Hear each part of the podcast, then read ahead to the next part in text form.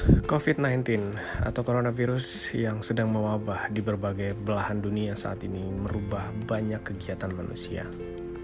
Pekerjaan yang tadinya bisa dikerjakan di kantor, di luar rumah, atau di tempat-tempat yang lebih menyenangkan, saat ini harus dikerjakan dan diselesaikan di rumah.